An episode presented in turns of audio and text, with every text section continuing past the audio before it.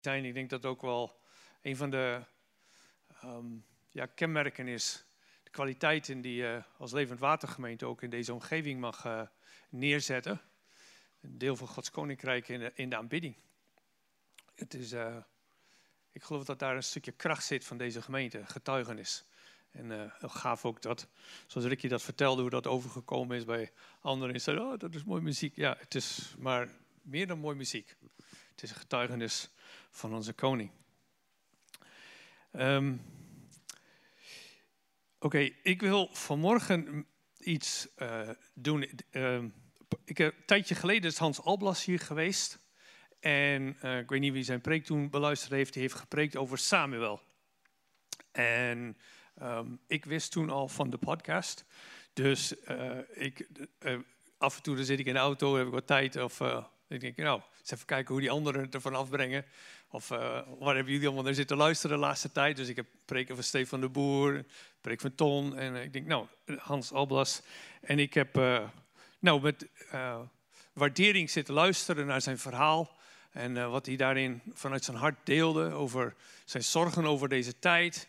En verlangen ook dat mensen in de, als het ware in de voetsporen van Samuel treden. En zich niet alleen geroepen weten, maar vooral ook antwoord weten te geven als op Gods roepstemmen. Ook het lijden aan deze tijd, dat, uh, dat er velen zijn um, die in, in onkunde en in duisternis wandelen en de naam van Jezus niet kennen.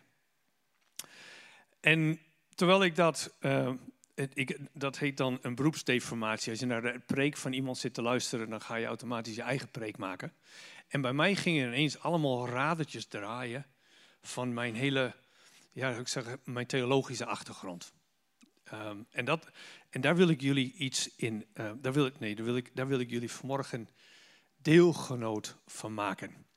Dus ik heb even met opzet ook Hans Alblas genoemd, want ik, het is niet dat ik hem wil verbeteren. Dan denk je, oh Piet gaat een betere preek. Nee, Piet gaat een andere preek houden. Ik wil vanuit een heel ander perspectief naar kijken. Niet van, nou ja, wat, wat is God in mijn leven aan het doen en hoe ga ik erop reageren? Ik wil het breder neerzetten. En vooral ook in de tijd van Advent, waarin we nu leven.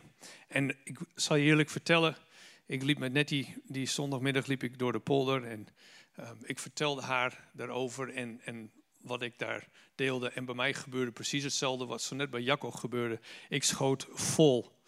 En um, nou, ik hoop dat jullie ook zo door het woord van vanmorgen onder de indruk mogen komen van hoe groot onze God is.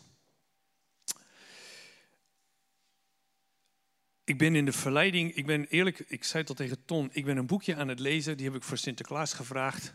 Victor Frankl, Man's Search for Meaning. Ik weet niet of iemand hem ooit gelezen heeft of in het Nederlands. Onze vriend Peter natuurlijk, ja. Um, Victor Frankl is dus een Joodse arts-psycholoog die in de Tweede Wereldoorlog dus in Auschwitz heeft gezeten, een Oostenrijker. Heeft in Auschwitz en Dachau en andere kampen gezeten en reflecteert daarop. Het is een heel diepgaand boekje, maar best leesbaar, dat had ik niet verwacht. En zoals je ziet, heel klein. Dus hij paste zelfs onder de kleine cadeautjes van de Sinterklaas. Maar een boekje met een grote betekenis. En ik wil dat eigenlijk in de, in de uh, wat ik daarmee wil zeggen, is uh, hij beschrijft hoe belangrijk het is dat mensen hoop hebben. Dat er betekenis is waar je je leven aan weet op te hangen. Um, want anders red je het niet. En als er een tijd is waarin wij hoop nodig hebben en betekenis en zin van het leven, waar we er zicht op hebben, dan zeker in deze tijd. En dat bid ik voor jullie en spreek ik ook over ons uit vanmorgen, dat we daar met elkaar in gesterkt mogen worden. Nou wil ik graag met jullie lezen uit 1 Samuel. En we gaan iets anders lezen dan Hans gelezen heeft, om gewoon te zorgen dat we een heel ander verhaal gaan neerzetten. 1 Samuel 2, de versen 1 tot 10. En dit is in het kort het lied van Hanna. Hanna is de moeder van Samuel. Hanna kon geen kinderen krijgen. Hanna werd gepest door haar evenknie Penina, de andere vrouw van Elkana, haar man. Zij werd gepest omdat ze geen kinderen had. En Elkana had haar lief en gaf haar altijd een dubbele portie uh, van alles nog wat. Maar ze had er ontzettend veel verdriet om. Totdat ze op een dag dat ze bij de tabernakel waren, haar hart, hart heeft uitgestort voor de Heer. En zei, maar als u mij een zoon geeft, dan wijd ik hem aan u toe. En Eli, toen de priester, die zag dat en uh, hij maakte er wat opmerkingen over, maar toen hij haar intentie, toen hij haar verhaal hoorde, toen zei hij van de Heer mogen jou zegenen en je gebed um, beantwoorden. Nou, en dan gaan we het lied van Hanna lezen. Toen, en ik lees hem in de MBG voor. Uh, toen bad Hanna en zei: Mijn hart juicht in de Heer. Mijn hoorn is verhoogd in de Heer. Wijd opent zich mijn mond tegen mijn vijanden, want ik verheug mij in uw hulp. Er is niemand heilig gelijk de Heer, want niemand is er buiten u. En er is geen rots gelijk onze God. Spreek toch niet steeds zo hoogmoedig en geen verwaten taal komen uit uw mond. De Heer immers is een alwetend God en door Hem worden de daden getoetst. De boog van de helden is verbroken, maar de wankelenden zijn met kracht omgoord. Wie verzadigd waren, verhuren zich om brood. Maar wie hongerig waren, mogen rusten. Zelfs een onvruchtbare baart er zeven, maar wie rijk was aan kinderen, verwelkt. De Heere doodt en doet herleven. Hij doet naar het dodenrijk neerdalen en daaruit opkomen. De Heere maakt arm en hij maakt rijk. Hij vernedert en ook verhoogt hij. Hij, heeft, hij heft de geringe op uit het stof. Hij heft de arm omhoog uit het slijk om hem te doen zitten bij edelen en een erezetel te doen verwerven. Want de grondvesten van de aarde zijn van de Heer. Hij heeft daarop het aardrijk gesteld. De voeten van zijn gunstgenoten behoedt hij, maar de goddelozen komen om in duisternis. Want niet door kracht is een man sterk. Wie met de Heere twisten, worden gebroken. Over hen dondert hij in de hemel. De Heere richt de einden der aarde. Hij geeft sterkte aan zijn koning. En hij verhoogt de hoorn van zijn gezalfde. Toen ging Elkana naar Rama, naar zijn huis. Maar de jonge, maar de jonge Samuel was in dienst des Heeren onder toezicht van de priester Eli. En ik wil nog even vers 10, het laatste gedeelte. De Heere richt de einden der aarde. Hij geeft sterkte aan zijn koning. Kijk wat er staat. Lied van Hanna. Hij geeft sterkte aan zijn koning en verhoogt de hoorn van zijn gezalfde. Zien jullie die woorden staan? Hij geeft macht aan de koning die hij kiest en verhoogt het aanzien van zijn gezalfde.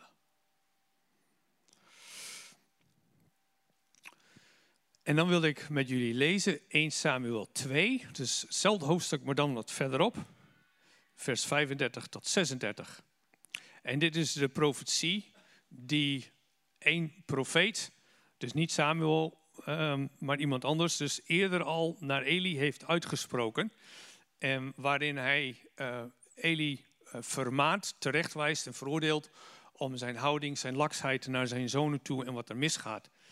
En dan zegt de Heer tegen Eli, door de mond van de profeet, en ik zal mij een betrouwbaar priester aanstellen, die naar mijn hart en in mijn geest handelt, en ik zal voor hem een duurzaam huis bouwen, zodat hij te allen tijden voor het aangezicht van mijn gezalfde wandelen zal.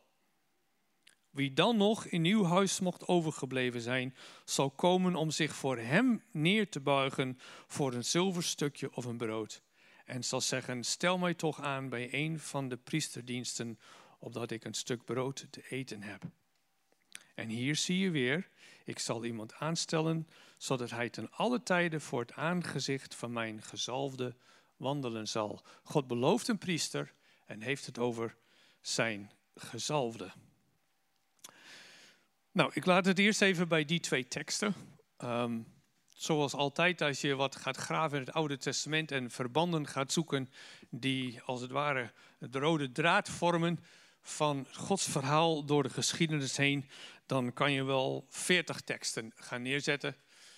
Ehm, en dan is het gevaar weer dat je, zonder, of dat je door de bomen het bos niet ziet. Dus ik hoop dat ik net genoeg bomen neerzet dat je ze allemaal nog kan onderscheiden en ondertussen ook nog een beetje van het bos waarneemt. Ik wil vanmorgen drie dingen met jullie delen. De eerste, ik wil met jullie uh, Samuel plaatsen in de context van wat we noemen heilsgeschiedenis. En dat ga ik zo wel even uitleggen natuurlijk. Tweede, Samuel in de context van Advent. En, twee, en de derde, ons verhaal in de context van Advent. Heilsgeschiedenis, dat is een uh, theologisch begrip waar ik mee ben opgevoed en mij ook wel in verdiept heb. Um, er was een theologische stroming en het heeft in de gereformeerde en met name ook in vrijgemaakte kerk een grote rol gespeeld. Het is uh, iets wat in de 19e eeuw ook kwam. En dit is het, eigenlijk het kijken naar um, ja, de openbaring van God in het Oude en Nieuwe Testament en zien dat daar een geschiedenis van heil is. Dus God is een verhaal aan het schrijven en dat je als het ware voortdurend op zoek bent. Maar waar zitten we dan in dat verhaal?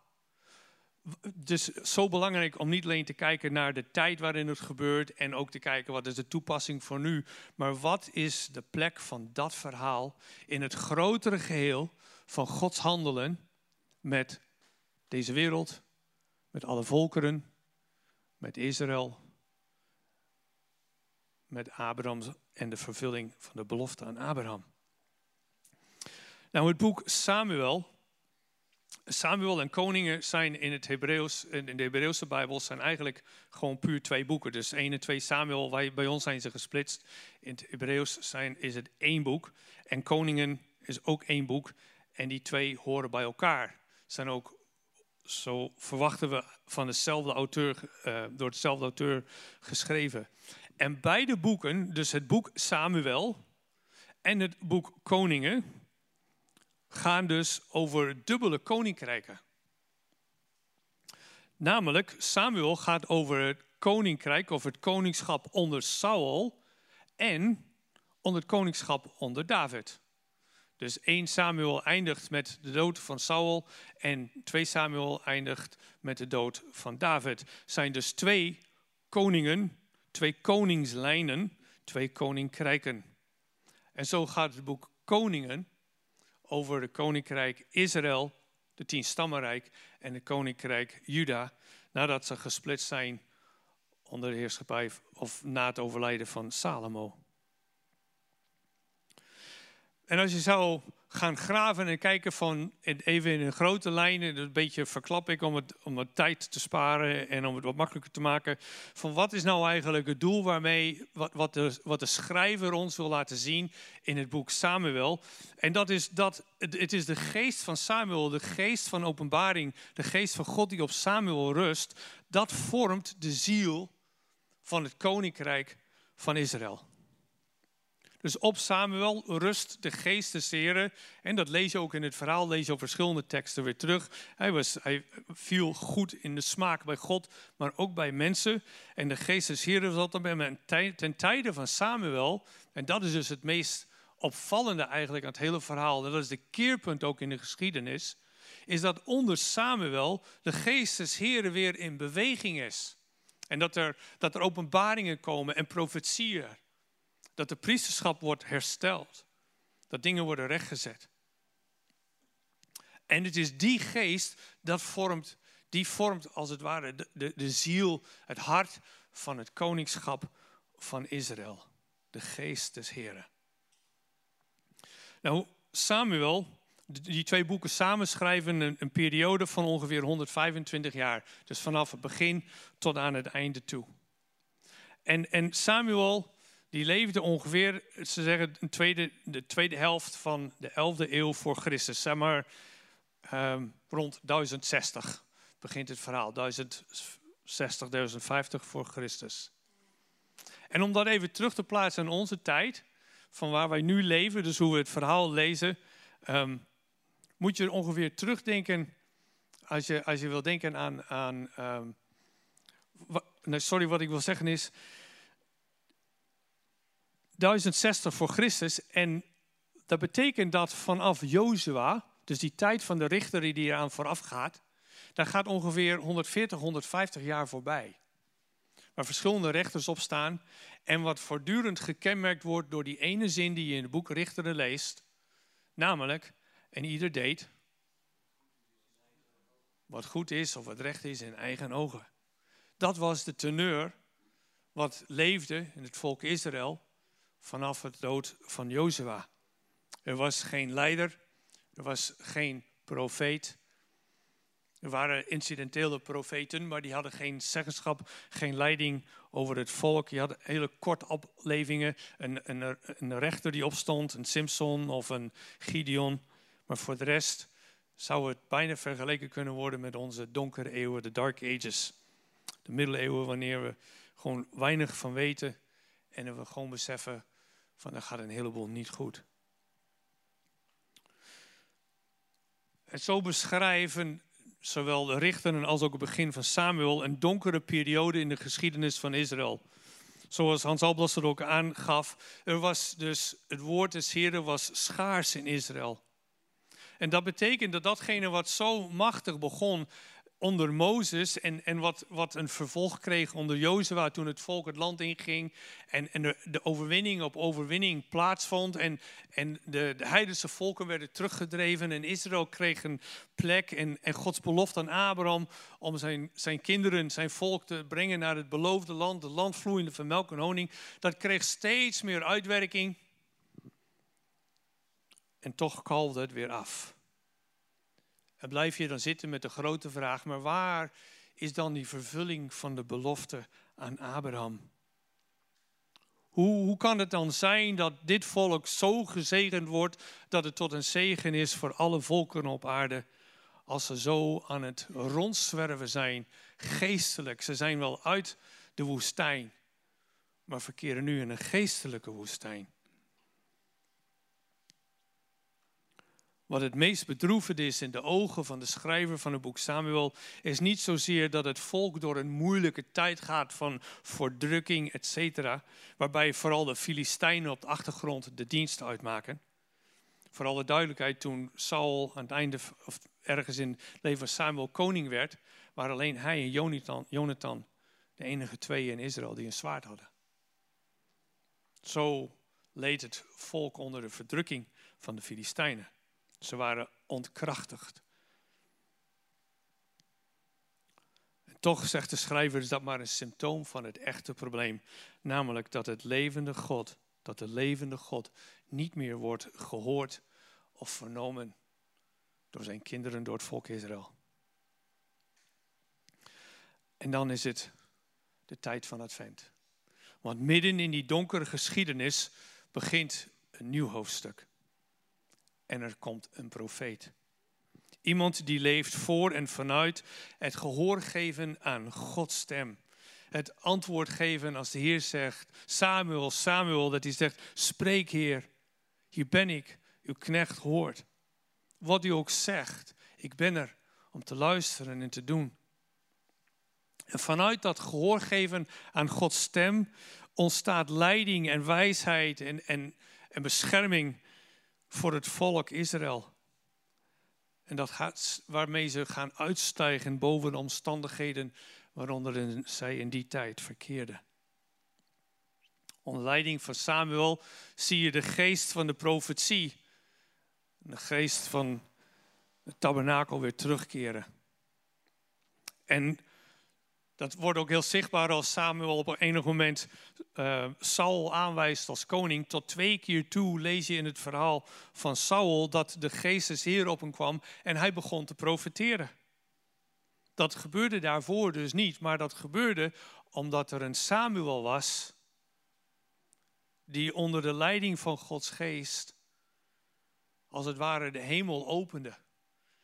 Er was een profeet in Israël. Een ziener waar je naartoe kon, die je kon raadplegen. Ofwel via Samuel, ofwel zelfs rechtstreeks.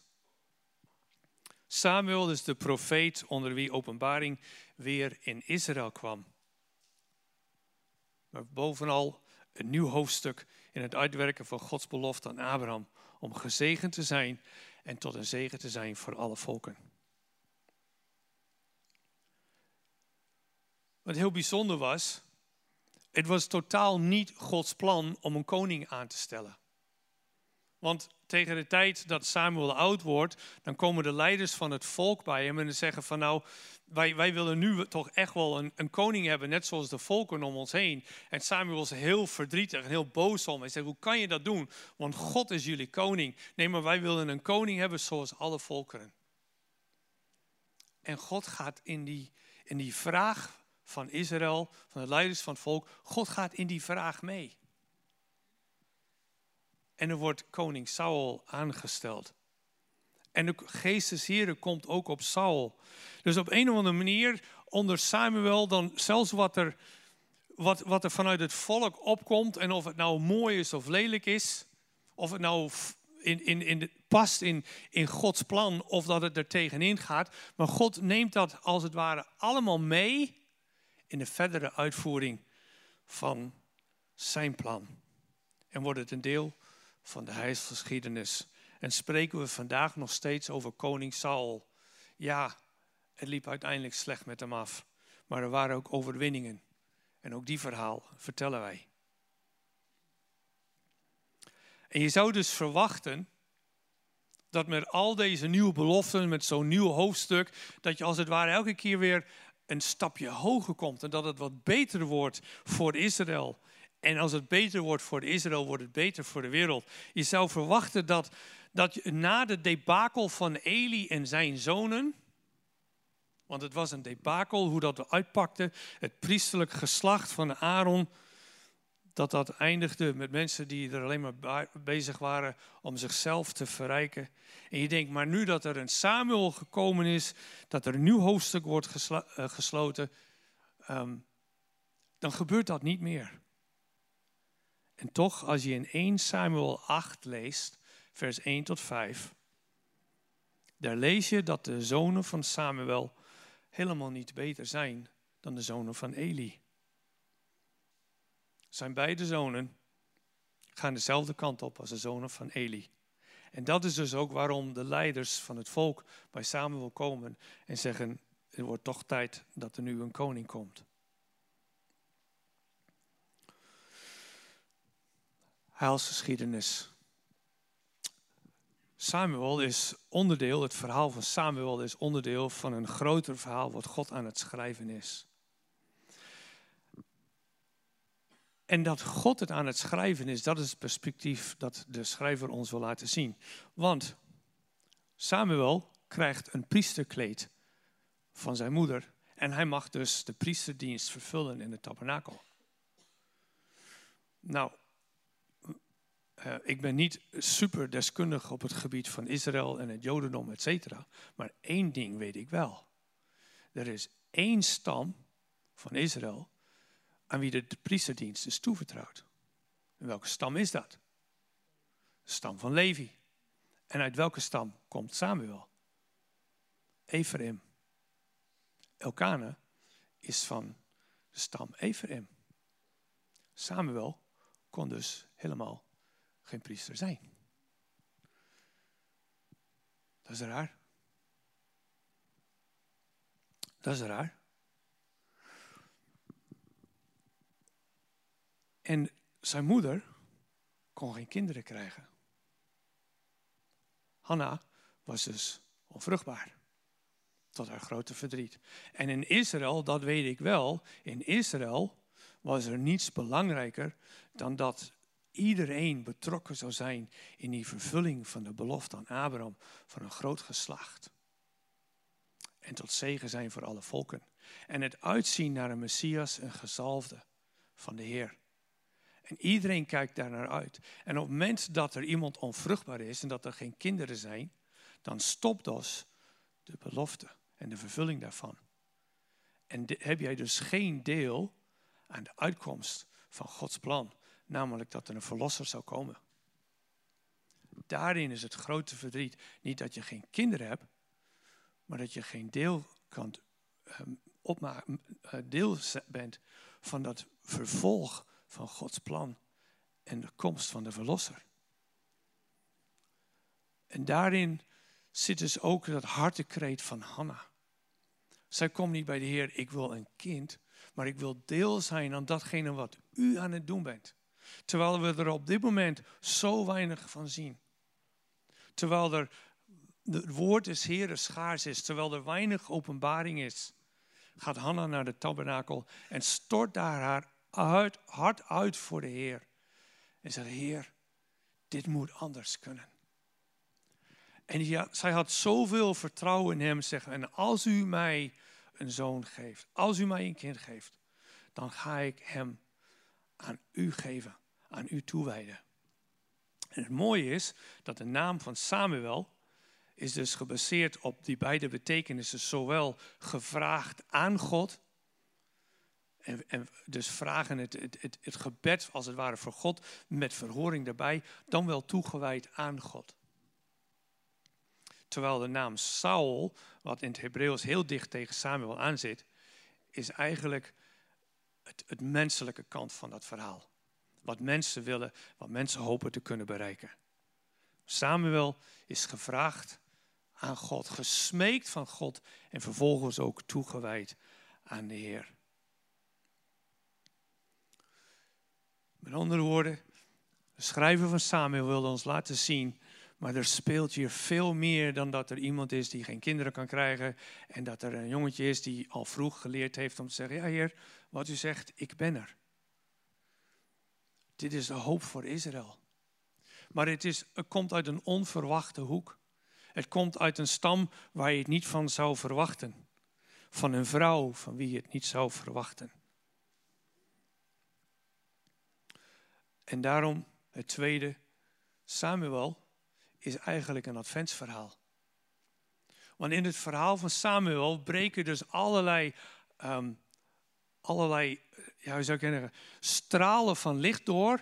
Dat God met iets veel groter bezig is dan op dat moment de problemen van het volk Israël oplossen.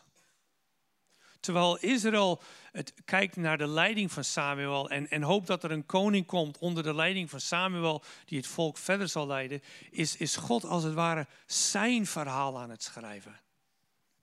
En zoals Hans ook terecht noemde, in Samuel zien we allerlei vooruitwijzingen naar Jezus Christus de, hoe, er, er over Samuel gesproken wordt, dat hij opgroeide in de gunst van de Heer en ook bij het volk, dat is precies wat er ook over Jezus wordt gezegd in het evangelie van Lucas.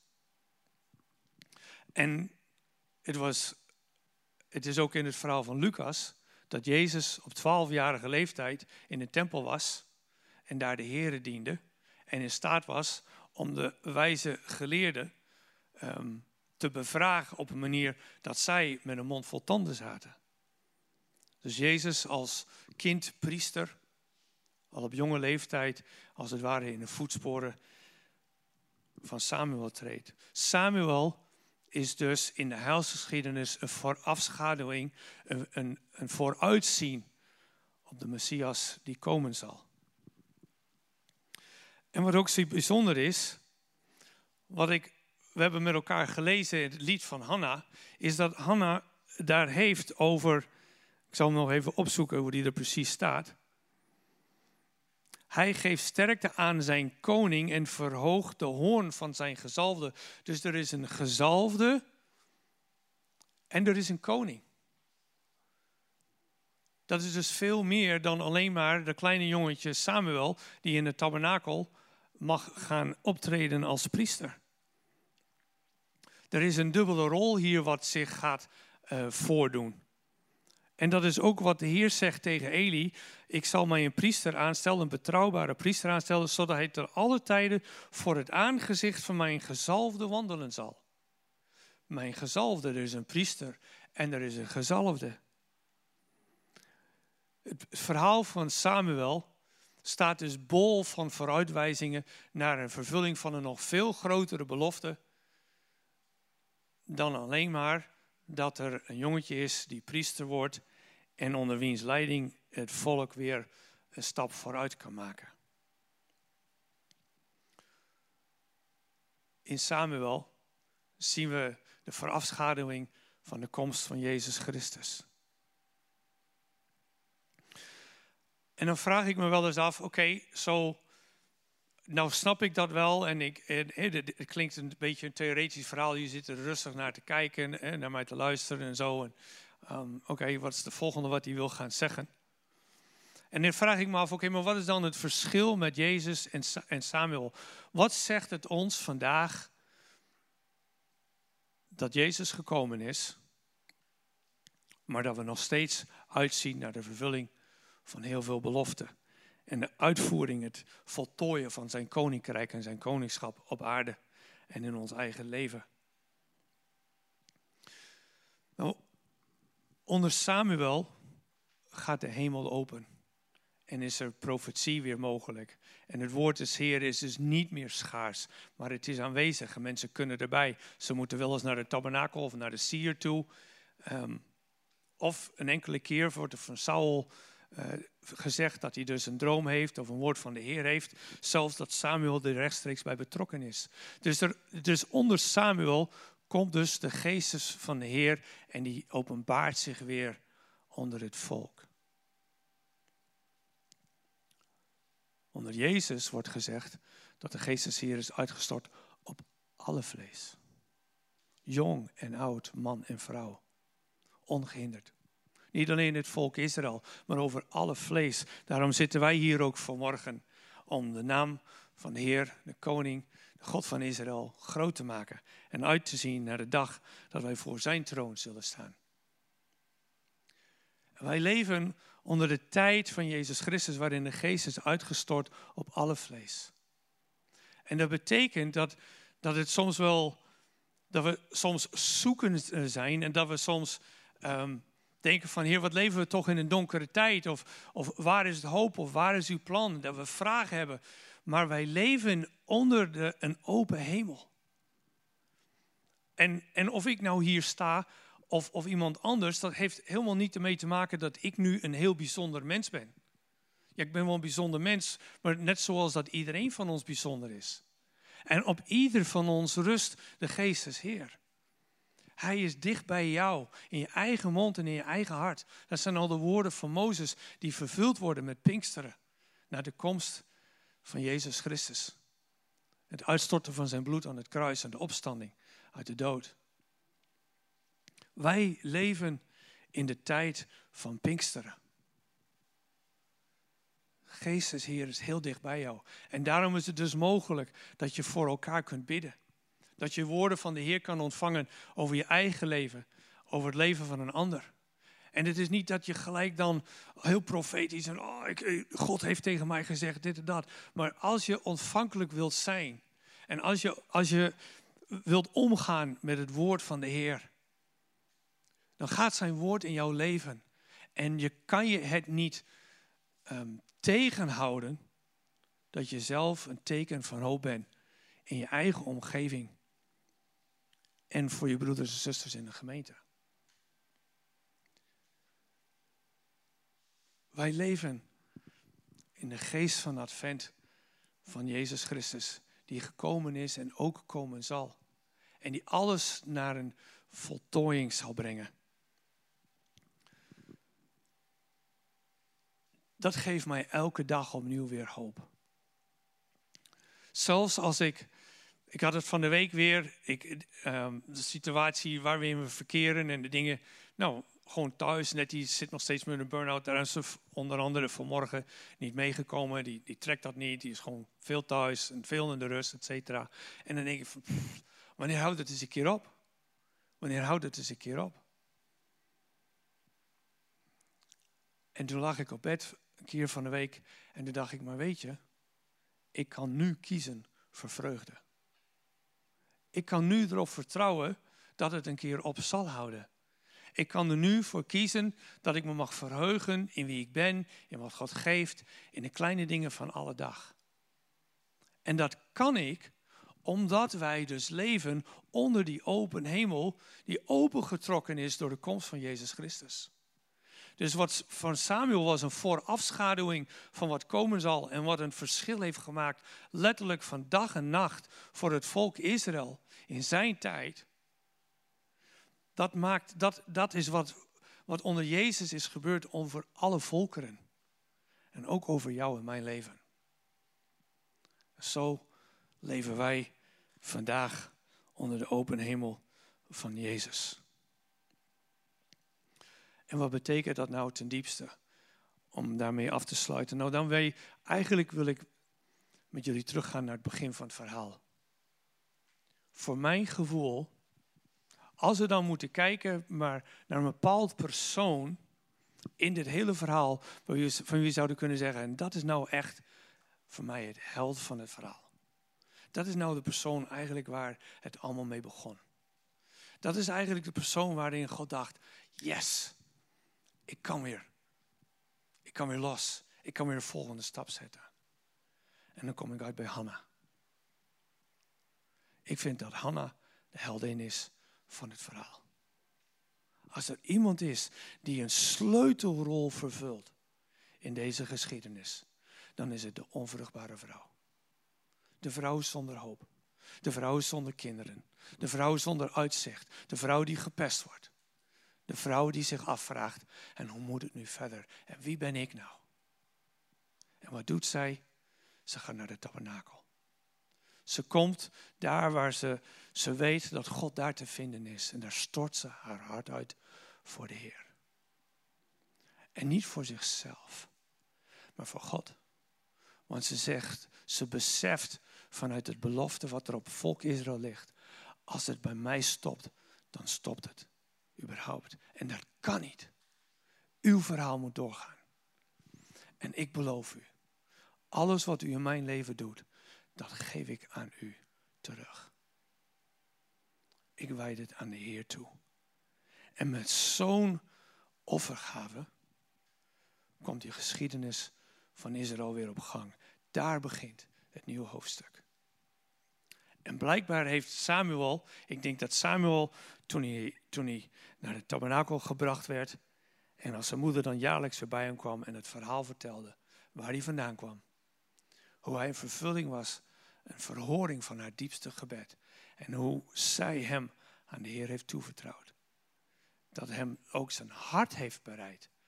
Dat op het moment dat Eli tegen hem zei, weet je, zeg maar gewoon Heer, hier ben ik, spreek. Ik luister. Dat zijn hart eigenlijk al voorbereid was door het gebed van zijn moeder. En daar zit de kern voor mij, de sleutel van het verhaal van Samuel. En dat kunnen wij, dat kan jij en dat kan ik ook zijn.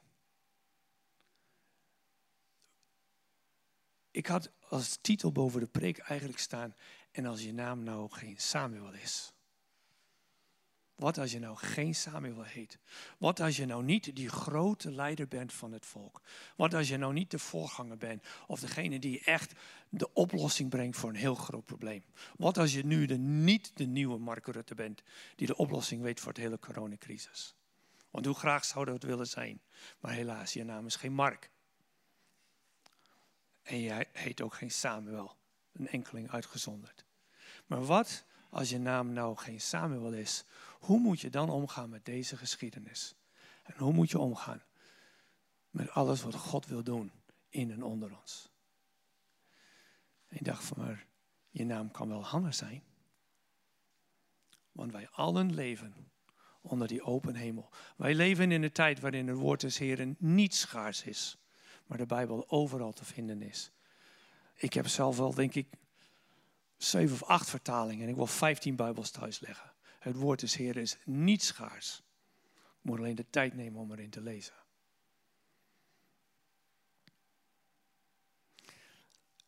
En dan wil ik eindigen met één vers. Dan moet ik even kijken of ik kan vinden. Ja, ik weet hem al. Toen Hanna haar gebed voor de Heer uitgebracht, uh, uit, haar hart uitgestort. En Eli zei van, nou, de Heer zal uw gebed verhoren. Dat is mooi. Dan staat er in 1 Samuel 1, vers 18. Ik dank u voor uw vriendelijkheid, zei Hanna. En ze ging terug naar haar familie. En dan staat er, haar gezicht was opgeklaard en ze at ook weer.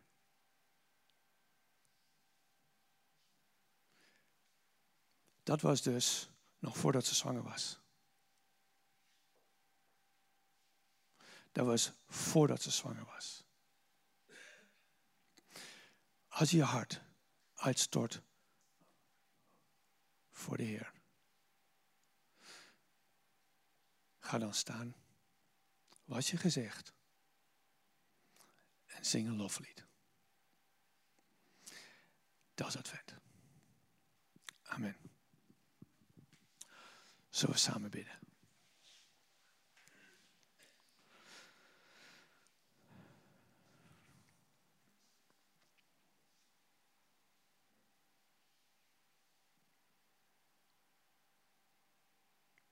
Heer, het is al een paar keer gezegd in deze dienst.